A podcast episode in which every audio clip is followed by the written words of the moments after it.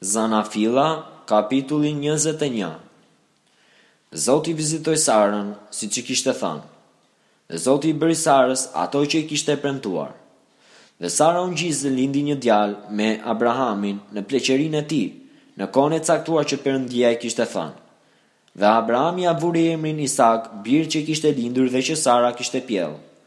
Pastaj Abrahami e rrethpreu birin e tij Isak kur ishte tetë ditësh, ashtu siç e kishte urdhëruar Perëndia. Por Abrahami ishte njëqind vjeç kur i lindi biri i tij, Isaku. Dhe Sara tha, Perëndia më ka dhënë çka duhet për të qeshur, kushdo që do ta dëgjojë ka për të qeshur bashkë me mua. Dhe tha gjithashtu, Kush mund t'i thoshte Abrahamit që Sara do të mëndte fëmijë? Sepse unë i linda një djalë në pleqërinë e tij. Kështu, pra, fëmija u rrit dhe u zvordh.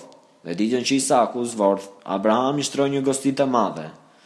Tani Sara pa që djali, që i kishte lindur Abrahamit nga Agari, egjiptiasja, qeshte. Atëherë ajo i tha Abrahamit, Përzëre këtë shërbyese dhe birin e saj, sepse biri i kësaj shërbyese nuk duhet të jetë trashëgimtar me birin tim. me Isakun. Kjo gjë s'i pëlqeu aspak Abrahamit për shkak të djalit të tij. Por Perëndia i tha Abrahamit, Mos u hidhëro për shkak të djalit dhe të shërbyeses sate. Dëgjo tërë ato që të thotë Sara, sepse nga Isaku do të dalin pasardhës që do të mbajnë emrin tënd. Edhe nga djali i kësaj shërbyeses unë do të bëj një komb, sepse është një pasardhës i yti. Abrahami u ngrit herët në mëngjes, mori bukë dhe një çalik ujë dhe ia dha Agarit.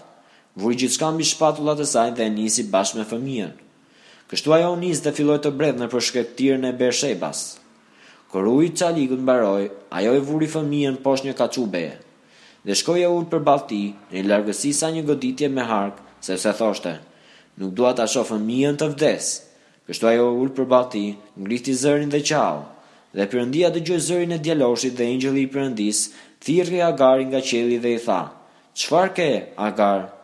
Mos ki frikë, se Perëndia ka dëgjuar zërin e djaloshit aty ku ndodhet. Çohu, çoje djaloshin dhe mbaje fort me dorën tënde, sepse unë do të bëj prej tij një komb të madh. Atëherë Perëndia ia hapi sytë dhe ajo pa një pus ujë.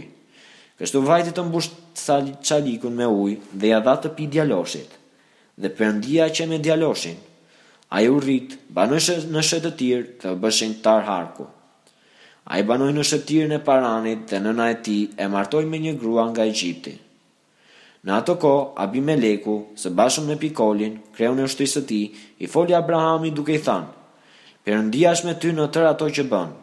Prandaj betohu këtu në emër të Perëndisë që ti s'ke për të gënjyer as mua, as bijtë e mi, as nipërit e mi, që ti do të përdorësh ndaj meje dhe vendit ku ke banuar si i huaj, po atë dashamirësi që unë kam treguar ndaj teje. Abrahami u përgjigj, Betohem. Pastaj Abrahami e qortoi Abimelekun për shkak të një pusi uji që shërbyesit e Abimelekut e kishin shtënë në dorë. Abimeleku tha, Unë nuk e di se kush e ka bërë këtë gjë.